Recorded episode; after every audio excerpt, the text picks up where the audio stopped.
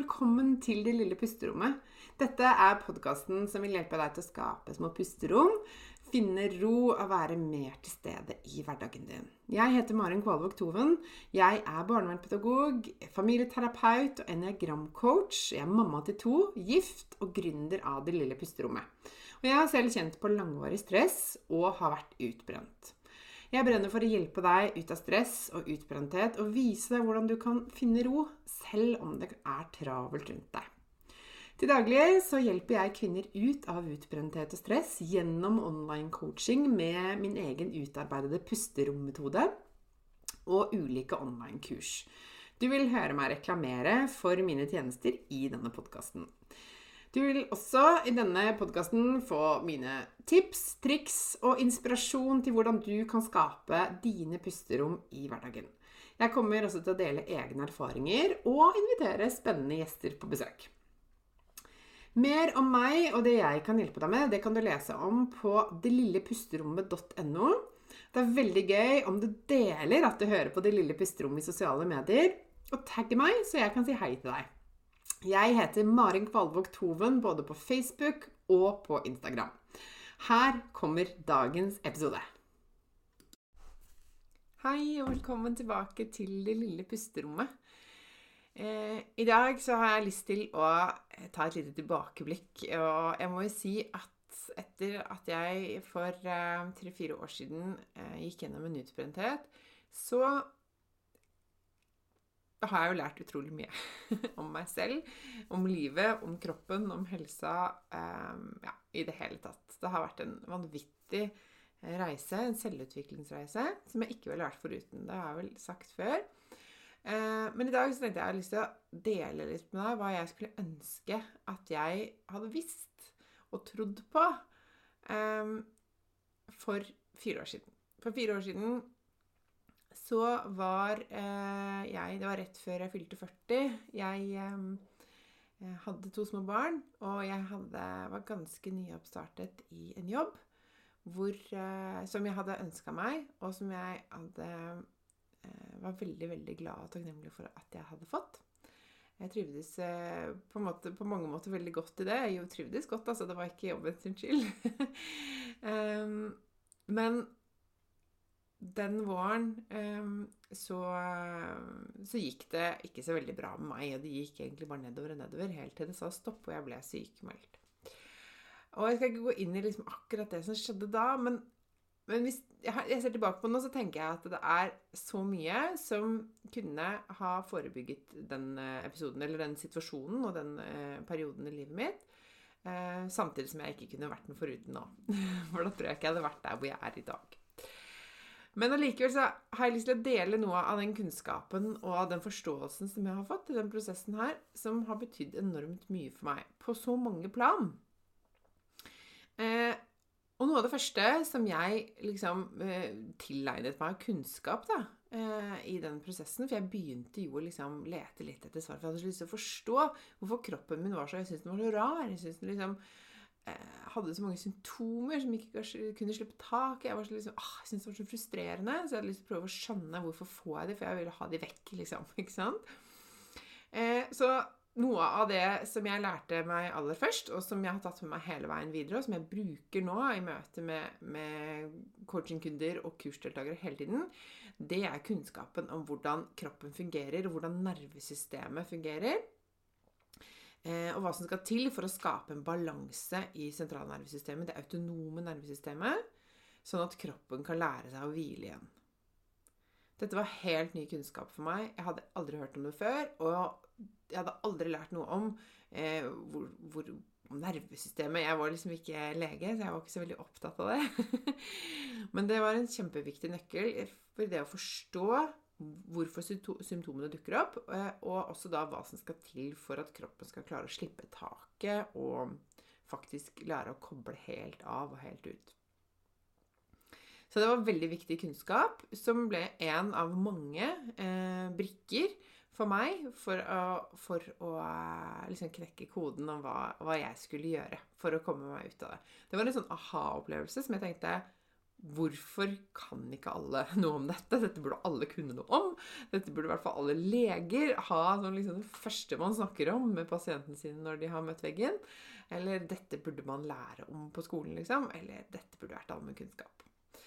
Eh, men det, det, var veldig nyttig for meg, i alle fall. Eh, og jeg vet at det også er nyttig for, eh, for kundene mine og for kursdeltakerne mine å forstå dette om seg selv. For da er det noe med å lytte til kroppen og skjønne kroppens signaler, og også hva som funker, hva, hvor du faktisk skal sette inn støtet, hva du skal prioritere, eh, for å hjelpe kroppen din til å roe seg ned igjen.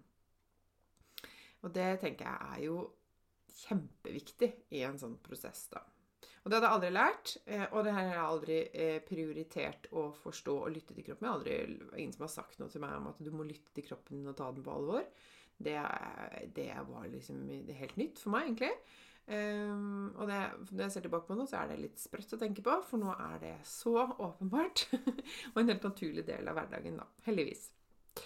Uh, og en ting til Altså, det er så mye jeg kunne skulle ønske hvis jeg skal dele noe av det med deg i dag. Uh, en ting til jeg skulle ønske at jeg hadde visst, og som kunne spart meg for så mye, det er at jeg kunne også ha lov å ha egne behov og gjøre ting som var bra for meg. Selv om jeg var mamma, selv om jeg hadde to små barn som var veldig avhengige av meg, eh, så kunne jeg faktisk ha gitt meg selv lov til og skapt rom for noe som bare var mitt. Det hadde jeg overhodet ikke. Natt og dag var jeg mamma. Eh, og det styrte hele hverdagen min. Selv når jeg var på jobb, så var uh, mye av fokuset mitt på uh, mammalivet mitt. Um, I beste mening. Og jeg tenkte at det var bra at jeg var så fokusert på det. Men jeg hadde mistet meg selv fullstendig. Så det å faktisk Selv om livet blir liksom uh, travelt eller veldig sånn fortetta med oppgaver og ansvar og, og en mammarolle som jo kan være ganske altoppslukende, så Eh, så er det lov til å også være god med seg selv og møte sine egne behov. Og apropos det, da, og egentlig liksom, liksom i forlengelsen av det, så skulle jeg også ønske at jeg hadde visst at jeg ikke trengte å være så styrt av alle rundt meg. At ikke jeg bare skulle lytte til hva andre sa eller mente eller forventet av meg, eller hva jeg trodde de mente og sa og forventa meg. Kanskje vil si mye det. Men at jeg heller kunne lyttet litt mer til meg selv. Hva jeg mente, hva jeg ville, hva jeg trengte. Sette litt grenser. Um, for det er jo ikke så rart, da, at når man liksom går mister seg selv og går liksom på akkord med seg selv, eller bare, bare vil please alle andre hele tiden, så er det ikke så rart at man til slutt blir borte og rett og slett blir syk. Det er jo egentlig ganske logisk. Så jeg skulle ønske at jeg hadde liksom faktisk eh, vært litt, eh, stått litt opp for meg selv, eller vært litt tydeligere på hva jeg trenger, og hva jeg eh, Hva jeg mener og føler om ting, da. Og så var det noe som, som, på en måte jeg måtte jobbe meg veldig gjennom i starten, da jeg møtte veggen og ble sykemeldt, og det var følelsen av nederlag og skam. Eh, og det tenker jeg jo etterkant at det hadde jeg jo ingen grunn til å, å, føle på, egentlig. Fordi at det som skjedde, gjorde jo at jeg fant min vei videre. Eh, og, og, i forlengelsen av det så kunne jeg jo til og med skape meg en helt ny hverdag med en ny jobb eh, som funker for meg. Og sånn som jeg er skrudd sammen. Eh, og det eh, Jeg brukte ganske mye tid på å jobbe meg gjennom denne skammen og den følelsen av nederlag og skuffelse over meg selv eh, for å kunne komme meg videre. Og det skulle jeg ønske at jeg kunne liksom bare latt være, egentlig, for det følte liksom ikke noe godt med seg. Og en ting til som jeg var veldig, veldig eh, god på i gåseøynene, eh, var planlegging. jeg var eh, racer på planlegging og organisering og det å være i forkant av situasjoner til enhver tid så mye så at det gjorde meg syk, tror jeg. Jeg tenkte virkelig at det ga meg kontroll, eh, og jeg trodde at det var stressforebyggende. Det jeg ikke så, var at jeg var på høygir hele tiden. At jeg kunne aldri slippe taket i den organiseringen og planleggingen og eh, den der å være i forkant av greia. Eh, så det skapte liksom et sånn indre stress i meg hele tiden. Eh, og det, det, var liksom litt nytt for meg å se det i det lyset. Så jeg har jo i etterkant sluppet mye mer tak i det. Jeg har mye mindre kontroll. Jeg glemmer ting. Ja, det går stort sett fint, da. Men, eh, men eh, jeg har en mye mer avslappa forhold til hva som skal skje, hvordan ting skal være, og hva som er godt nok. Og at ikke det alltid trenger å være jeg som liksom tar tak i ting, eller tar initiativ til ting, eller planlegger noe. Uh, så det har hjulpet meg masse, i hvert fall. Og det er jo sånn at, at mye av den jobben, den viktigste jobben for å redusere stress, handler om hva som skjer inni oss, ikke sant? Um, jeg tror nok jeg, på, og sikkert med mange andre også, um, tenkte at så lenge alt rundt meg var på plass, så skulle alt bli bra. Når jobben og mannen og huset og barna var liksom på stell, så burde jo livet mitt vært helt tipp topp. Og så var det på innsiden som jeg måtte liksom gjøre den største og viktigste endringen, da. Og inni der så skjedde det jo mye som måtte endres. Og det ene var jo at jeg eh, tenkte jo at det var noe gærent med meg. At jeg ikke liksom Altså i forbindelse med at jeg ble sykemeldt, tenkte jeg liksom jeg, Hva er det med meg som gjør at jeg ikke får dette til? Eh, jeg følte meg så dum. Jeg følte meg så ubrukelig. Um, og, og, jeg tenkte at hallo, skjerp deg. Det må jo være noe gærent med deg siden ikke du fikser dette som er livet, liksom. Um, for jeg hadde nok liksom sett for meg den der rammen, den der A4-livet som jeg hadde drømt om hele, hele livet. da så fram til da. Og, og, tenkte at det var sånn Selvfølgelig skulle jeg også gjøre det.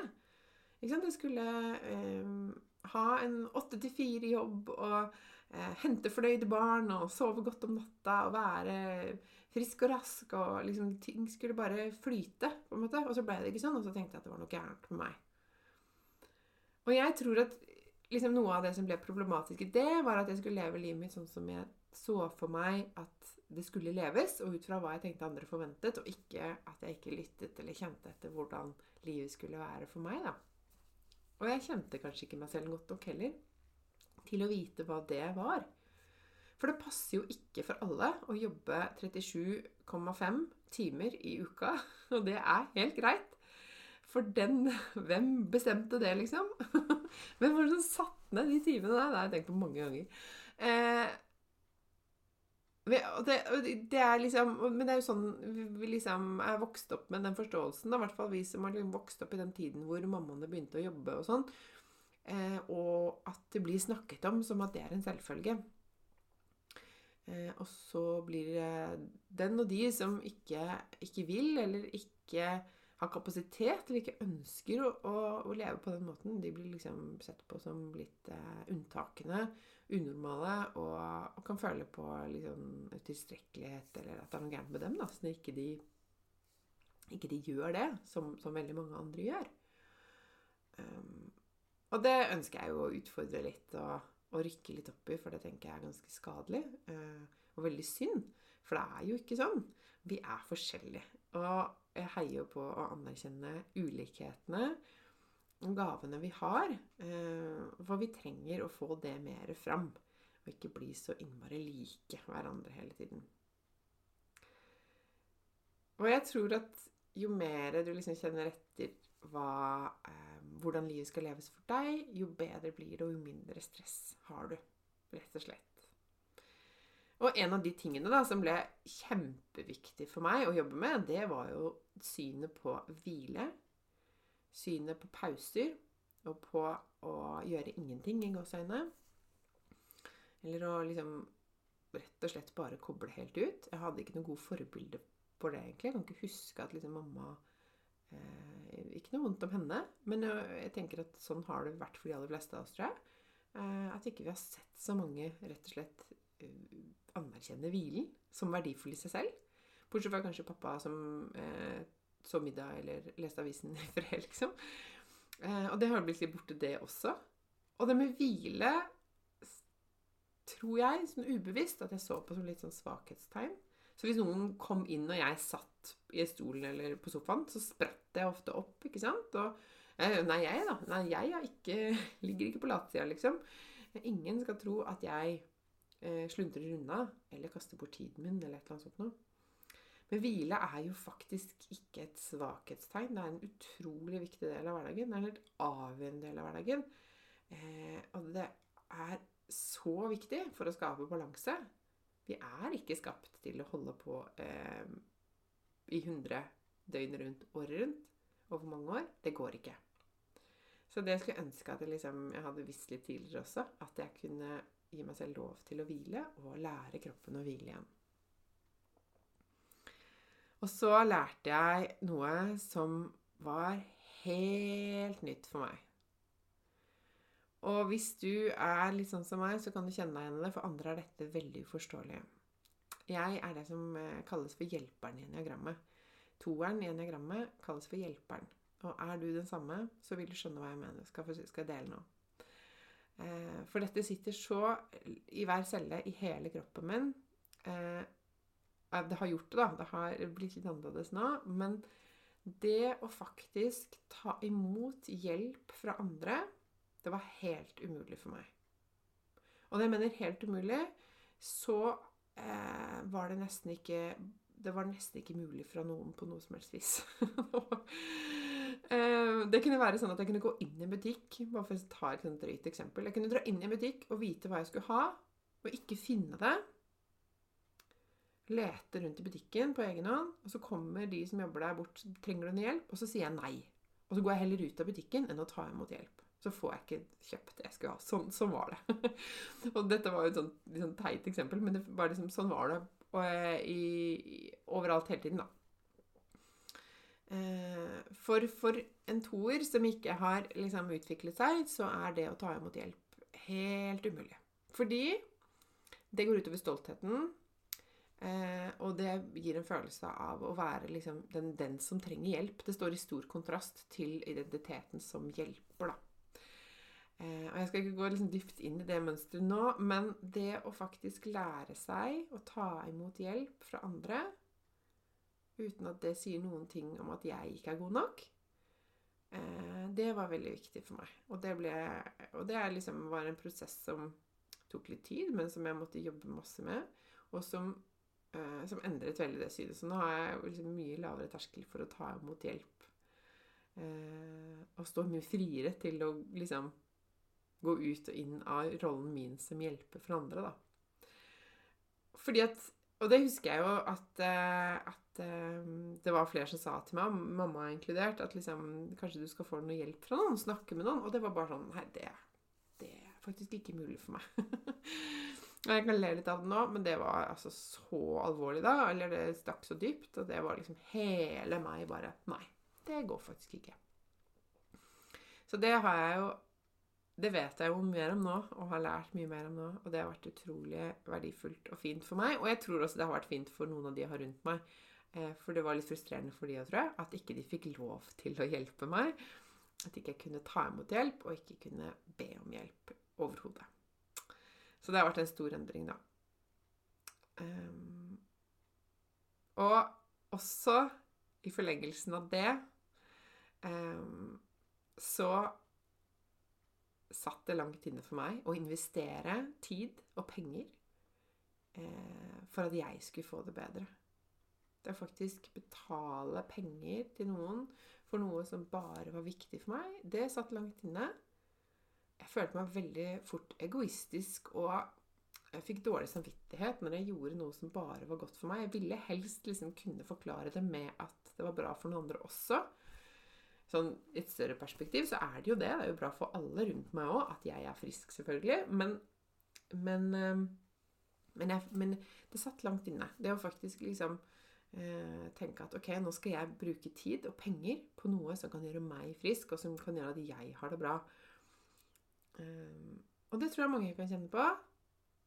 Ikke sant? Du har ansvaret kanskje for familie, eller du er vant til å tenke mest på, på at alle andre har det de trenger, og sånn. Og så skal liksom det å faktisk fokusere bare på deg, det kan være ganske, ganske heftig øvelse i seg selv. Ja, altså. Jeg møter det ofte jeg er hos coachingkundene mine òg, som må gå noen runder før de liksom Ja, OK, jeg går for det. Fordi de ser at dette har en så stor verdi eh, for lang tid framover, og det er en investering i livet og helsa og, og seg selv, da. Men det, det var vanskelig, og, men jeg gjorde det. Og jeg har ikke ord for hvor glad jeg er for at jeg faktisk liksom jobbet meg gjennom denne stoltheten min og den følelsen av egoisme, for det er jo ikke egoistisk i det hele tatt. Og jeg hadde aldri sagt det til noen andre enn til meg selv. At det er egoistisk å få hjelp, eller å bruke penger på å, å, få den hjelpen man trenger. Merkelig det der, hvordan man er så mye strengere med seg selv enn med andre. ikke sant? Ehm, men det eh, tenker jeg jo nå at det var det lureste og beste jeg kunne gjøre ehm, for meg selv. Da. Og for resten av livet. Og så visste jeg jo ikke da, det jeg vet nå, at på andre siden av min sykemelding og på mange måter den tøffeste perioden i livet mitt, så fant jeg min plass, mitt kall. Jeg fant min hverdag, mitt liv, sånn som jeg lever det i dag, og sånn som jeg eh, vil ha det. Og hvis noen hadde sagt det til meg den dagen jeg ble sykemeldt, så hadde jeg ikke trodd på det, tror jeg. Men nå vet jeg det. Og det er utrolig fint. Ehm, jeg tror det hadde, det hadde, helt sikkert hjulpet meg til å akseptere situasjonen litt raskere. Ehm, men, eh, men, jeg er så glad for det nå. Og jeg ser det veldig ofte hos, hos kundene mine også, at uh, det åpner seg muligheter som ikke de har uh, sett før. Uh, eller det åpner seg drømmer og ønsker og ideer om, om, hvordan livet kan bli, som ikke er, har vært synlig. Og det er jo det som er så fint, at ut av det som er kjipt og tungt og vanskelig, så kan det komme noe innmari fint. Eh, og som egentlig kan gjøre alt enda bedre. Eh, så det er jeg utrolig takknemlig for. Og dette var noen av de mange tingene jeg skulle ønske jeg kunne visst for, for fire år siden. Og det er helt utrolig hvor mye som kan skje på relativt kort tid. da. Nå tok det jo ikke fire år for meg å bli frisk. Nå sitter jeg jo her og har drevet det lille pusterommet i snart tre år. Um, og det er jo uh, helt fantastisk at man faktisk kan komme dit ut av noe som er en stor krise i livet, da. Og jeg vet ikke kjente, om du kjente deg igjen i noe av det jeg delte i dag. Eh, send meg gjerne en melding på sosiale medier hvis du, hvis du, gjorde det, eller hvis du lurer på noe, eller hvis du har lyst til å dele noe av det du ble opptatt av etter denne episoden, så vil jeg veldig gjerne høre fra deg. Jeg syns det er så hyggelig å å få tilbakemeldinger fra dere som lytter på podkasten min. Eh, og hvis du har lyst til å hjelpe meg å spre dette budskapet, så enda flere kan eh, få, få, øynene opp for denne podkasten og høre det jeg har å si, så blir jeg kjempeglad hvis du eh, gir meg noen stjerner eh, på Spotify, eller hvor du nå lytter til podkasten, eh, som hjelper meg da til å nå ut til enda, enda flere. Så det var dagens episode, og jeg håper at inntil vi snakkes her igjen, at du eh, tar godt vare på deg selv. Ha det bra! Dette var dagens episode. Jeg håper du likte den. Og hvis du gjorde det, så del gjerne i sosiale medier og tagg meg med Mari, at Maren Kvalvåg Toven, så kan jeg si hei til deg. Jeg blir så glad for sånne meldinger.